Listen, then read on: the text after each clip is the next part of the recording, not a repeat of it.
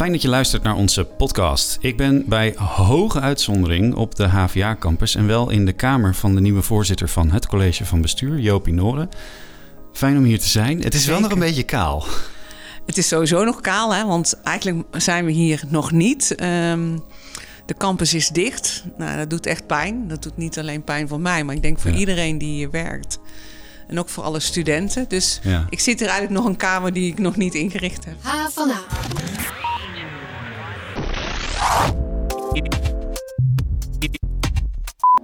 We gaan kennis maken met elkaar vandaag, want je bent op 1 maart begonnen als eh, bestuursvoorzitter. Hoe zagen die eerste dagen eruit? Eh, mijn allereerste dag zijn we hier, moet ik wel eerlijk zeggen, kort even hier geweest met Gelijn, eh, met Maaike en met Hanneke. En ik en Lisette was er ook, mijn secretaresse. Ja. En de rest van de tijd heb ik thuis zitten werken. En dat thuiswerken bestond uit eh, eh, kennismakingsgesprekken. Ja. En tegelijkertijd ben ik gewoon aan de start gegaan en daar hou ik van. Ik heb de Amsterdam Economic Board gehad. Een, eh, een eh, algemene ledenvergadering van de Vereniging Hogescholen. Een eh, mooi gesprek met het eh, eh, CBO. Dus ik heb eigenlijk gewoon, deels ben ik gewoon aan de gang. ja, het CBO is het Centraal Bestuurlijk Overleg. ja, Daar is zitten ook alle decanen de decanen in. Ja, dus, dus precies. er zit een combinatie tussen kennismakingsgesprekken, Ja. digitaal hè, en ja, gewoon aan de slag zou ik zeggen. Ja, precies. Ehm, de vragen voor dit interview komen voor een groot deel van de HVA'ers. Die Ja. natuurlijk allemaal op hun beurt ook kennis met Leuk. jou willen maken. Ehm, dus ja, studenten en medewerkers mochten hun prangende vragen insturen. En zij bepalen dus ook het verloop van dit gesprek. Eh, maar eerst past het mij als interviewer wel natuurlijk om je even een beetje behoorlijk voor te stellen. Dus daar komt hij en corrigeer me als je iets hoort waarvan je denkt, nou dat klopt helemaal niet. Je bent doortastend en energiek. Soms wat ongeduldig en je staat als bestuurder, normaal gesproken, graag tussen de mensen. Ehm, hoe moet ik me dat dan normaal gesproken voor me zien, tussen de mensen staan? Ja, nou ja, je, je hoopt eigenlijk dat je hier in een hogeschool studenten, collega's tegenkomt. Ehm, dat eh, tussen mensen staan betekent dat ik probeer ook aanwezig te zijn op bijeenkomsten die er zijn. Ja. Of, eh, eh, nou, ik vind het heel leuk als die kans zover is om een keer mee te doen in een, in een, tijdens de opleiding, te kijken bij een studie eh, wat er gebeurt. Gewoon college volgen ook. Ja, volgen, eh, kijken hoe dingen gaan in de praktijk. Eh, veel met mensen praten over hoe dingen lopen. Ja.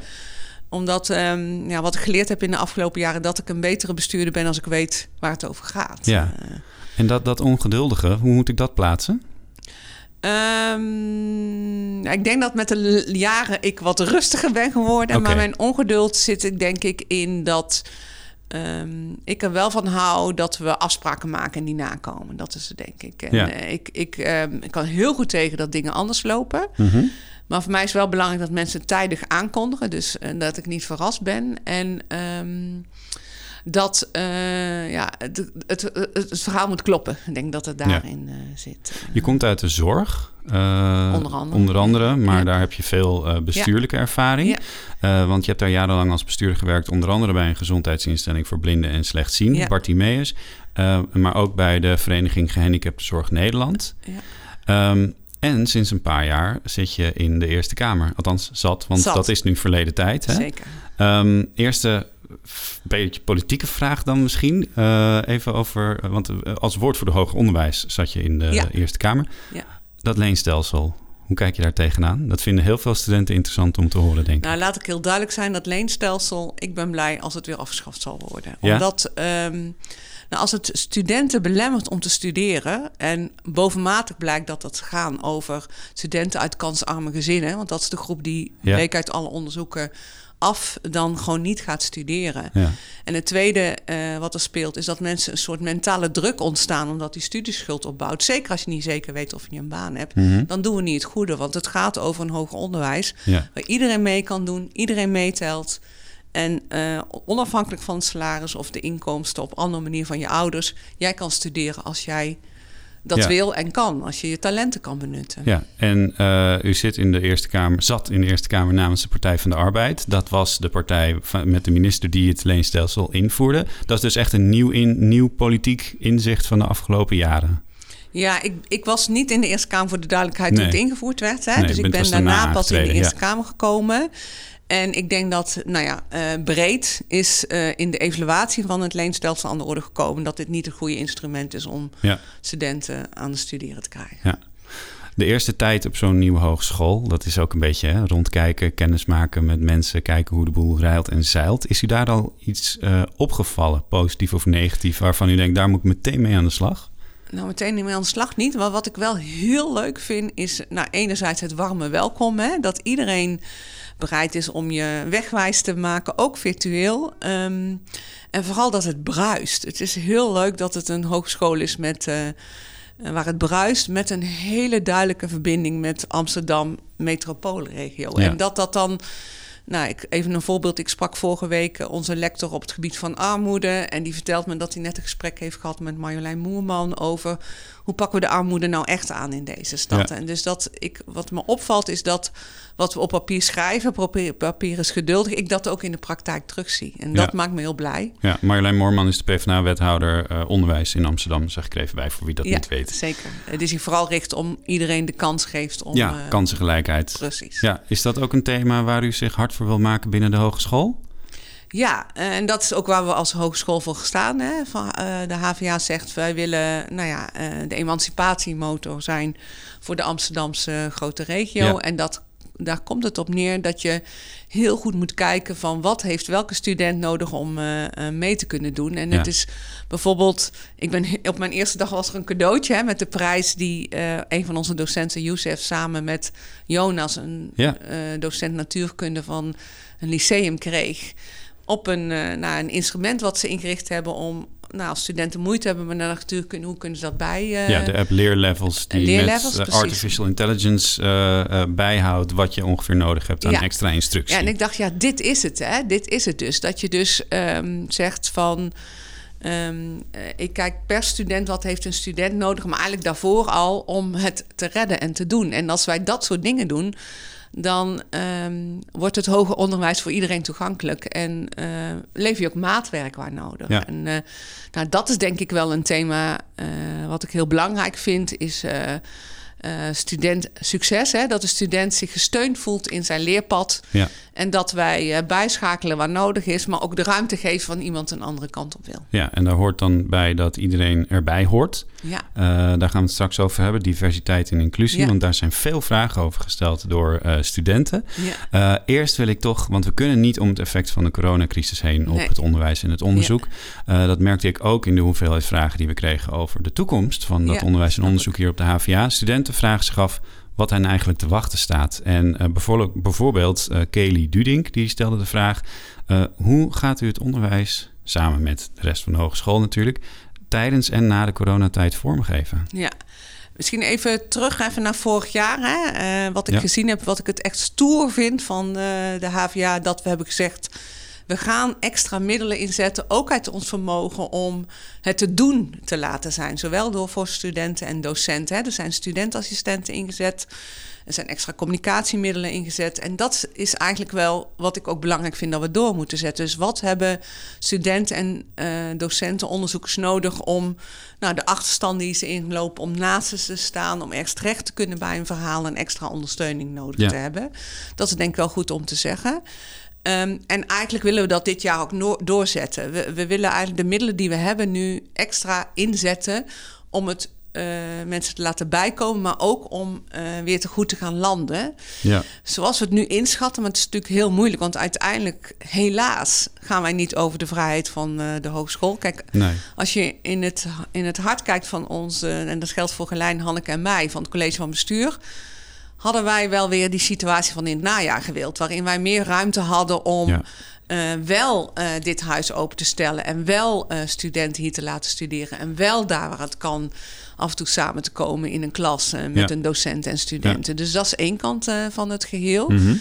Dus zo ga er ruimte is, willen we die benutten. Dat is ook de reden waarom we meedoen met de pilot over uh, sneltesten. Hè? Dus ja. uh, alle wegen die wij kunnen bewandelen en de ruimte die er is. En we zullen echt nou, samen hopelijk met de Vereniging Hogeschool op die deur kloppen bij OCW of van het kabinet. Geef de vertrouwen aan de hogeschool dat wij in staat zijn om studenten hier te ontvangen. Ja. We zijn een campus, we horen bij die gemeenschap. Want dat ik, zeggen de horecaondernemers ook, maar... Ja, alleen um, onderwijs, kijk, dit zijn wel jongeren uh, die, uh, waarvan we volgens mij met z'n allen nu van overtuigd zijn dat digitaal onderwijs niet de oplossing is. Dat het een, Ja. een combinatie moet zijn van nabijheid en op afstand wat Ja. nodig. Dat klopt, hè, want die vraag wanneer mogen wij weer naar school is echt eh, heel prangend, heel Precies. urgent. Die wordt veel gesteld. Ja, Er worden ook acties eh, voorgevoerd, onder andere door ASFA, de Ja. studentenvakbond Ja. hier in Amsterdam. ja, ja. dus ehm, kijk, eh, er ligt nu echt een verbod op. En dan kan je niks. Maar Nee. ieder ruimtetje die er komt, iedere kier die we zien, zullen we benutten om het mogelijk te maken. En hebben we natuurlijk in eerste instantie gaan door ruimhartig het praktijkonderwijs Mhm. en het afstuderen te doen. Ja. Nou ja, wij gaan ervan uit, even optimistisch gezien, dat we mm, eind maart eh, in ieder geval eh, zoveel mogelijk studenten één dag hier eh, in een van de gebouwen onderwijs te laten voeren. Ja? Te, te, te kunnen zijn hier. Kijk, pragmatisch moet dat nog wel ingevuld worden. Want dat is met al die maatregelen van de overheid, zeg ik na Ja. een jaar COVID, dat er komen nog allerlei kleine regeltjes. En het moet natuurlijk wel praktisch Nou uitvoerbaar ja, waaronder zijn. bijvoorbeeld, eh, wat ik las, is dat de minister eh, overweegt om verplicht te stellen om eh, getest te zijn voordat je dan zo'n gebouw in mag. Ja, en dat is natuurlijk heel raar. In, mij zin van, ehm, het is raar omdat er diezelfde minister of andere ministers zeggen van eh, testen en gevaccineerd zijn kan nooit als vanwaardig zijn voor een publieke toegankelijkheid. Ja. Twee, stel het geval dat het wel moet, dan moet het wel gratis. Hè? Ik hoor Ja. dat die testen 5 euro eh, per keer, dat is gewoon onbetaalbaar. Ja. Ehm, dus volgens mij vindt, valt er best nog een gesprek over te voeren. Mhm. Ehm, in de, wanneer, wen- hoe dat eh, eruit zou zien. En het is bovendien raar omdat de test over het sneltesten nog plaats moet vinden. Dus Ja, het is een beetje ja. raar om vooruitlopend op een testsituatie hè, met die ja, we hebben het dan over of die wel betrouwbaar is, die test.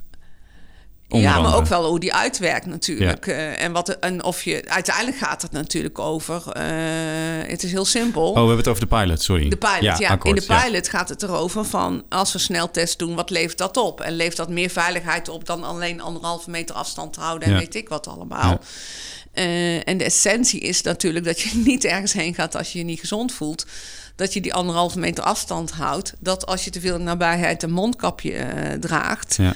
Dat zijn natuurlijk de kernelementen die je moet doen. En Ja. nou ja, ik ben een beetje optimist. Dus ik hoop echt dat eh, we na de zomer allemaal gevaccineerd zijn. En dat we dan meer ruimte krijgen. Want dat was ook een vraag van de studenten. Dus eh, Ja. wij hopen echt dat er na de zomer een situatie ontstaat waarin we wel meer elkaar kunnen ontmoeten. En de eerstejaars misschien elkaar weer voor het eerst kunnen ontmoeten hier Zo. achter op de campus. Ja, zeg maar ook de tweedejaars. Hè? Ja. Dus de mensen die dan Ja. een eerste jaar erop hebben Ja, zitten. precies, die moeten het inhalen Ik denk dat natuurlijk. dat precies, dat is denk ik ook een belangrijk thema. Dat we, eh, en dat ligt natuurlijk bovenmatig bij de opleiding en de faculteit, dat we gaan kijken wat moet er gedaan om eventueel achterstanden in te Ja. halen of eh, welke ruimte gecreëerd worden. Ja. Maar ook iets anders.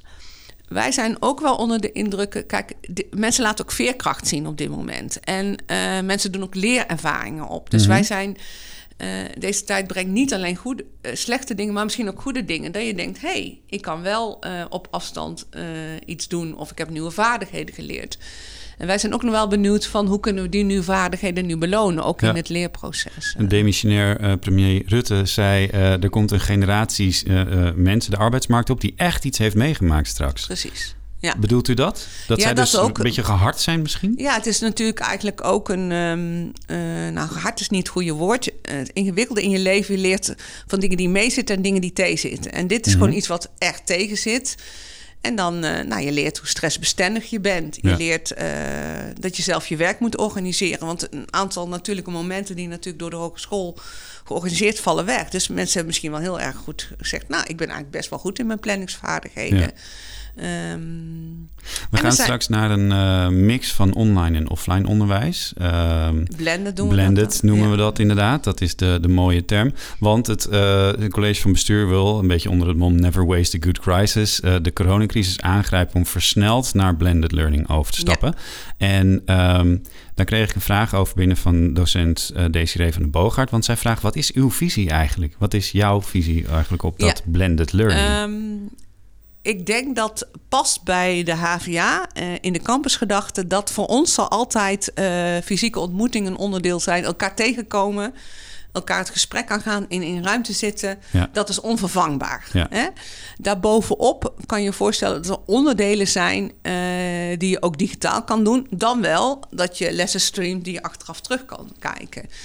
Ehm, en verder vind ik het nog wel belangrijk om daar maatwerk in te doen. Dus het is maar de vraag, dat zal per opleiding, per onderdeel, per fase verschillend zijn, wat de goede mix is. Uh, er zijn, dat weet je waarschijnlijk ook, allerlei onderzoeken gedaan waaruit blijkt dat studenten zeggen, en ik denk dat we dat te harte moeten nemen, die zeggen eigenlijk, als je het hebt over uh, kennisoverdracht, en dan bedoel ik even een college waar veel verteld is, dat kan best wel online, of dat kan ik zelfs wel zelf doen.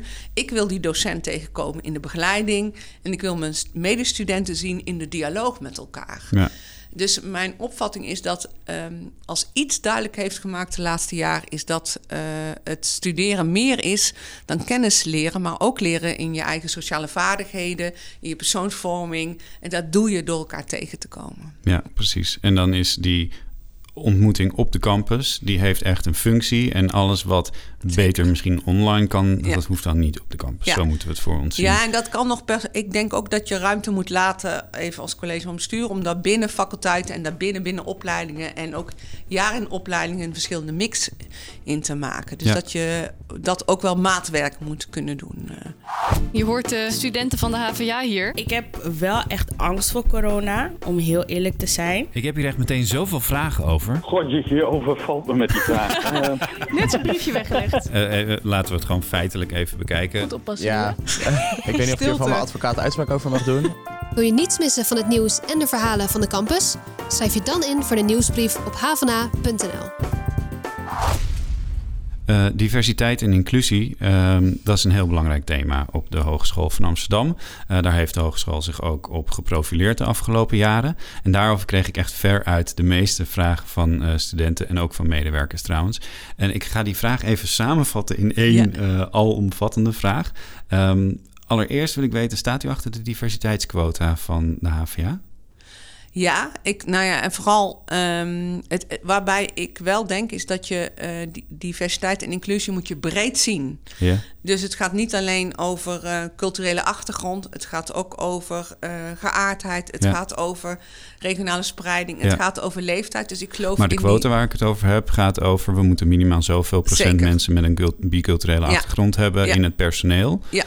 daar staat u achter. Ja. Ja, helder. Wat gaat u verder concreet doen de komende tijd om uh, het onderwijs en het onderzoek en alles wat daaromheen gebeurt inclusief te maken? Ja. Um, volgens mij ligt de sleutel ligt niet op één plek, maar ligt op meerdere plekken. Eén daarvan is um, in de manier waarop het onderwijs invullen. In de zin van in de taal die we gebruiken, de benadering die we hebben, dat we continu alert zijn dat we dat inclusief brengen. En een deel daarbij heeft um, ruimte voor variëteit, hè, want mensen mogen er verschillend in zitten. Dat je er altijd voor staat dat HVA dat in vrijheid en in openheid die discussie gevoerd wordt. Dus mensen niet uitsluiten. Uh, en daar ruimte voor geven. Dat is één ding. Ja. Twee, als je kijkt naar um, de werving van medewerkers, maar even als voorbeeld. Um, denk ik dat we echt uh, want we hebben daar nog echt een slag te slaan. Hè? Mhm. Dat we uh, moeten zoeken naar andere manieren van werken. En dat, daar gaat ook een programma op uh, lopen. Waarin we na moeten denken: hoe zorgen we dat mensen die van een andere achtergrond zijn dan, nou ja. Oorspronkelijk wit, zal ik maar even zeggen, kiezen voor de HVA en blijven ja. in de HVA. Ja. Dus het gaat ja. ook over behoud. En er zit ook een sleutel om, um, nou ja, dat vind ik, om studenten uh, te verleiden om daarna een andere rol in onze hogeschool uh, te vervullen. Mhm. Um, en er zit denk ik ook een belangrijke sleutel in de doorstroom van het MBO naar het HBO. In de zin dat je zorgt dat je die aansluiting zo maakt ja. dat die inclusiviteit een plek krijgt. En als laatste. Wat, bedoelt u, wat bedoel je daarmee? Um, nou, dat het best. Nou ja, nu even wat ik net zei. Hè, voor mensen met een MBO-opleiding van een. Um, nou ja.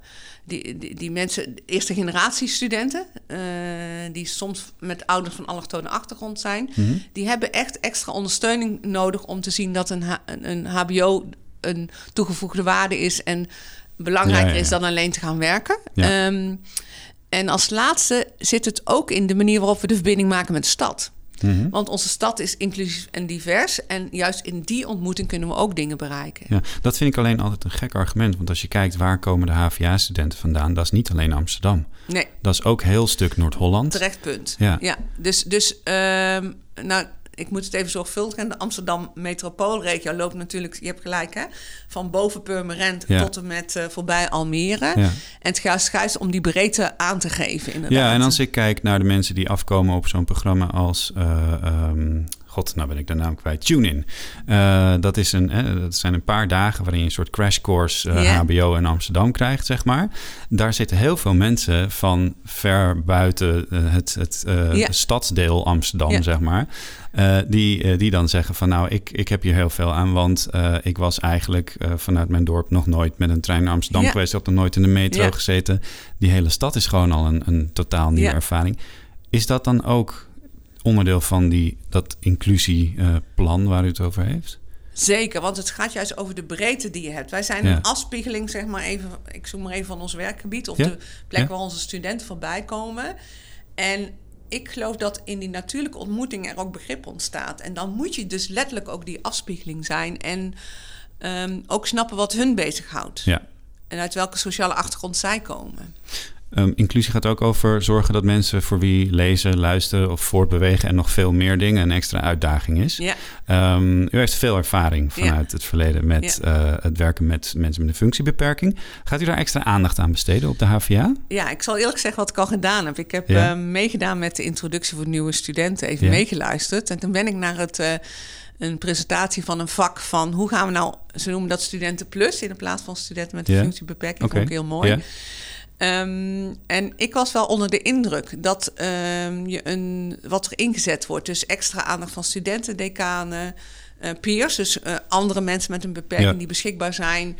En eh, dingen extra bieden. En het zit gewoon in mijn aard, ook omdat ik ergotherapeut oorspronkelijk ben, om steeds op te letten van hé, hey, wat zijn hier de beperkingen? Ja. Ehm, maar ik hoop ook dat mensen een cultuur creëren... dat mensen die daar tegenaan lopen zich vrij voelen om het aan de orde te stellen. En dat was wel mooi, dat er echt een open uitnodiging was aan mensen van... eh, vertel het ons, want dan kunnen we eens naast je staan om het op te lossen. Want daar Ja. zit wel... eh, er is niet één oplossing voor al die verschillende eh, beperkingen waar mensen tegenaan Nee. lopen. En ik vond wel mooi dat, ieder geval wat ik daar hoorde van die faculteit, dat juist dat maatwerk daarin heel, heel erg belangrijk zijn. Er zijn Ja. een aantal voorwaardelijke dingen: hè. toegankelijke website, toegankelijke gebouwen, een sociale veiligheid, ehm, rolmodellen. Ehm, maar daarbinnen is altijd weer te kijken: wat heb jij nodig om wel tot studiesucces te komen? Ja, dus maatwoord is, maatwerk is een woord dat ik vaak terughoor. Dat wordt een van uw speerpunten, Ja, ja, concludeer ik. ja. Heel goed.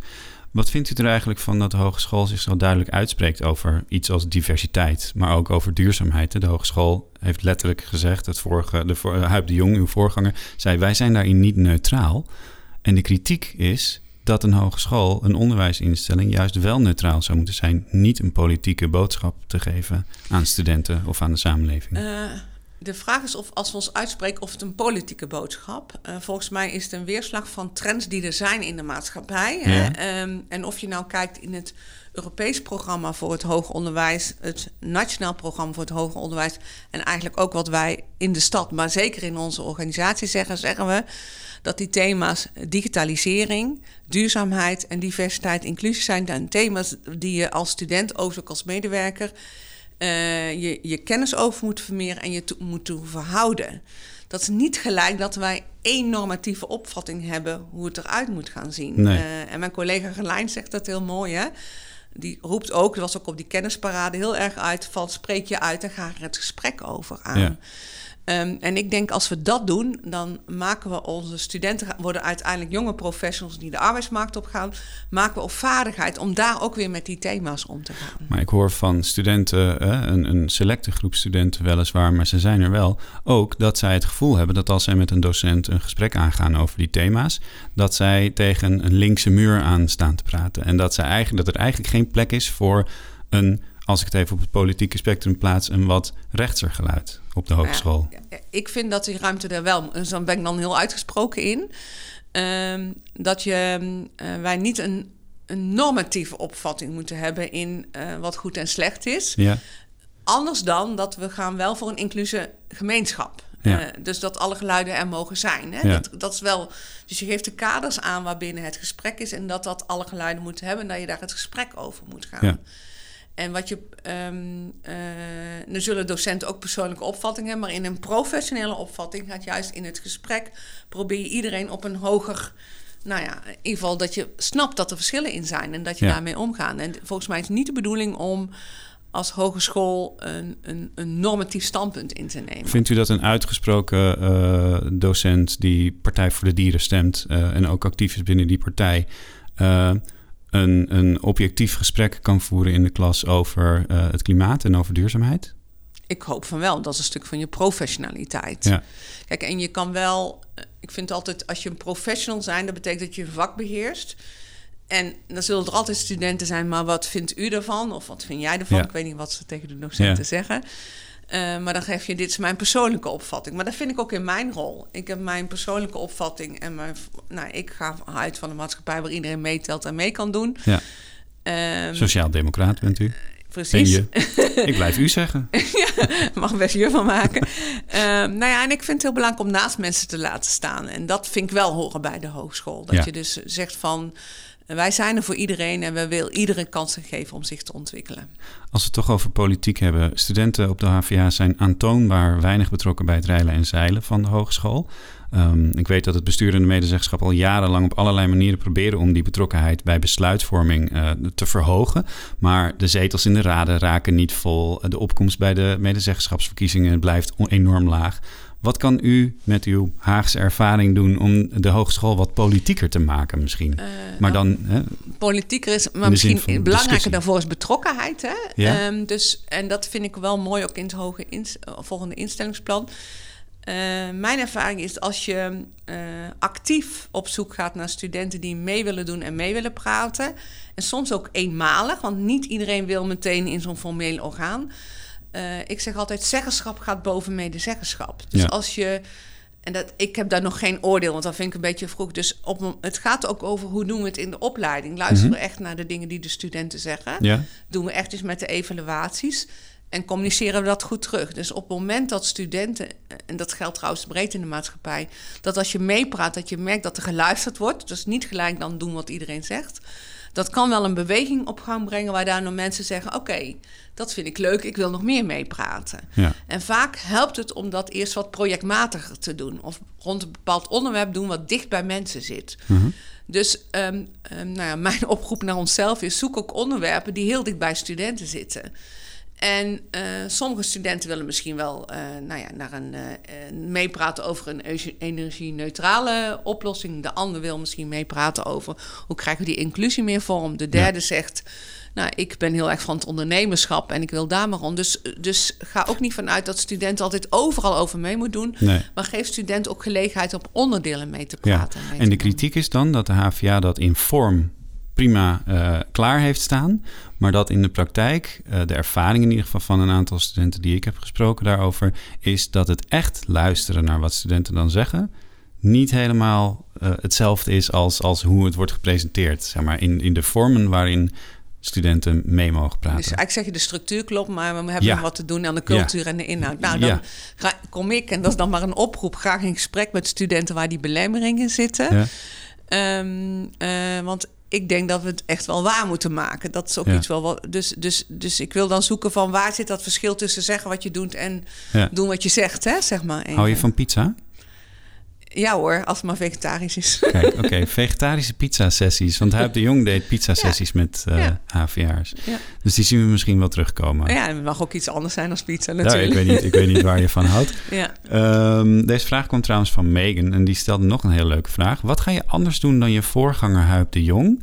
En hoe maak je jezelf als bestuurder zichtbaar of zichtbaarder voor studenten? Ja, Kijk, bij de eerste is voor mij best lastig, omdat ik zat me heel erg te realiseren. Jullie vergelijken mij met, met Huip. En ik heb al hele mooie verhalen over Huip gehoord uh, van de afgelopen jaren. Dus het is best moeilijk om uh, daar wat aan toe te voegen. Maar ik weet niet zo goed wat ik anders doe en anders ben. Dus ik vind dat best wel een lastige vraag. Wat ga je anders doen? Want ik weet niet zo goed hoe hij deed, zeg maar. Ja. Dus die vraag kan ik zelf niet goed uh, beantwoorden. vind ik echt een lastige vraag. Dan moet je echt Huip beter kennen zeg je. Nou ja, en moet weten hoe hij het hier gedaan heeft. Ja. Zeg maar, je moet dus gezien hebben hoe hij hier gewerkt hebben... Ja. om daarna te constateren wat ik anders Ik kan me voorstellen dat je niet eh, zo'n klus ingaat als dit, eh, of een baan ingaat als dit, met het idee: ik moet de schoenen van Huip vullen. Nee, je gaat volgens mij dit doen met een heel eigen idee, toch? Ehm, je gaat het doen met het idee van hier ligt een mooie uitdaging en Ja. ik denk dat ik een toegevoegde waarde kan hebben. Ja. Ehm, en ik vind wel dat je als bestuurder altijd voortbouwt op de schouders van degenen die voor je waren. En Tuurlijk. eh, ik heb ook naar de afscheidsbijeenkomst van Huip gezien en de waardering die daar uitgesproken hebben. Nou, dat is echt denk ik terechte waardering. Eh, en ik ben ook iemand die dan, als je ergens komt, niet meteen zegt 180 de andere eh, aan. Eerst luisteren waarom het is gegaan, hoe, Ja. hoe het is gegaan. En Ja. kijken hoe je dat verder kan helpen met je eigen talenten. Ja. En eh, die zichtbaarheid? Ja, Want als ik Huip eh, noemde eh, hier op de campus met een microfoon voor mensen in neus, dan zeiden ze wel, wie is dat? ja, dat is altijd moeilijk, hè? Want Ja. eh, niet iedereen zit op een bestuursvoorzitter te wachten. Ehm, eh, nou ja, in mijn vorige organisatie, ik kan alleen even geven, daar heb ik, dat was een zorg- en onderwijsorganisatie ook. Ehm, en ehm, eh, wat ik daar heel mooi vond, dat mensen bij mijn afscheid zeiden van dat ik. Ik deed mee met activiteiten tot extremo een woning poetsen op het moment dat er geen eh, gespecialiseerde schoonmaker was, omdat er COVID eh, speelde op die Mhm. plek. Eh, ik deed mee als vrijwilliger bij de kerstviering. Dus, dus zichtbaarheid zit ook daar zijn waar studenten zijn en dingen aanwezig zijn. En aanspreken, maar ook aangesproken willen worden. Dus Ja. ik zal de plekken opzoeken waar ik mensen tegen Bij kan wijze van komen. spreken met een geel hesje als er iets ergens aan de Ja. hand is. Precies, bij wijze van, hè, afhankelijk van of dat past in de rol die er is. En Ja. ook zonder mensen in de weg te lopen die er echt over gaan. Hè. Ja, want de logische volgende vraag is, bent u dan een micromanager? Precies, daarom zei ik ook, en dus niet mensen in de weg te lopen die er is. Dus, dus, dus ehm, het tweede zit is, als mensen signaal hebben, ehm, mensen uitnodigen om erover te praten. Dus eh, gewoon mail zelf beantwoorden, zeg maar even. Ja. eh, heel. Wel steeds te kijken van, is het iets wat bij mij hoort of hoort het ergens anders? Ehm, eh, nou ja, wat ik zei, en meebeleven, meedoen is denk ik Ja. een belangrijk eh, geheel. En tegelijkertijd realiseren dat je dienstbaar bent aan die hele grote hogeschool. Dat er heel veel andere mensen die veel belangrijker zijn voor de studenten dan de voorzitter van het college van bestuur. Vind je het eigenlijk spannend om aan zo'n nieuwe job te beginnen? Eh, wel spannend in de zin dat je niet weet of je het kan en wat je tegenkomt. Hè. Eigenlijk is niks anders dan een student die met een baan begint of een stage begint. Ja, Ehm, en tegelijkertijd eh, merk ik toch in twee weken dat je heel veel ehm, eh, voort kan bouwen op de bestuurlijke ervaring die je de afgelopen jaren opgedaan hebt. Want sommige dingen, welke organisatie je ook stuurt of aanstuurt, krijg je dezelfde, eh, kom je dezelfde processen tegen. Ja. Ehm, nu hebben we heel veel vragen aan jou gesteld. Ik kan me voorstellen dat jij ook wel eens een vraag aan HVA'ers zou willen stellen. Ja, en dat is mooi. Ik, ik, zou, ik vraag bijna aan iedereen in het gesprek. En ik ben heel leuk als mensen naar mij op terugkomen. Nou, ik heb een rol te vervullen in deze organisatie. Wat zouden jullie vinden dat ik nou extra aandacht geef? Ja. Eh, of wat vind jij dat er beter moet in deze HVA? En wat denk je dat ik daartoe kan bijdragen? En als mensen dan komen met we willen meer stopcontacten in de bibliotheek. Dan is het interessant om te kijken van of dat de realistische vragen zijn waar die thuis hoort, zeg Ja. maar. Ja, dus het betekent niet dat ik al die vragen ga beantwoorden. maar- ja, eh, maar daarom zei ik ook even, die passen bij mijn rol. Ja, Hè? ja. Eh, eh, en die rol is deels om meer richting te geven aan die toekomst van de, van de hogeschool. En deels ook natuurlijk buiten. Hè. Ik zie voor mezelf ook best een opdracht om binnen de vereniging van de hogescholen of met de vereniging van de hogescholen het hoger onderwijs in de breedte meer gewaardeerd en beter te maken. Hè. We zijn wel een beroepsgericht belangrijk voor de beroepen in Nederland, maar ook mee te dragen, want dat doe je echt niet alleen als eh, voorzitter. Hoe kunnen we die verbinding met eh, eh, nou, de brede Amsterdamse metropool goed houden en daar waar nodig nog beter? Mag ik je danken voor dit eerste gesprek? Ja, we graag gaan er gedaan. vast nog, Jij ook bedankt. we gaan er vast nog veel achteraan Zeker. pakken. Nou, Dank. dankjewel.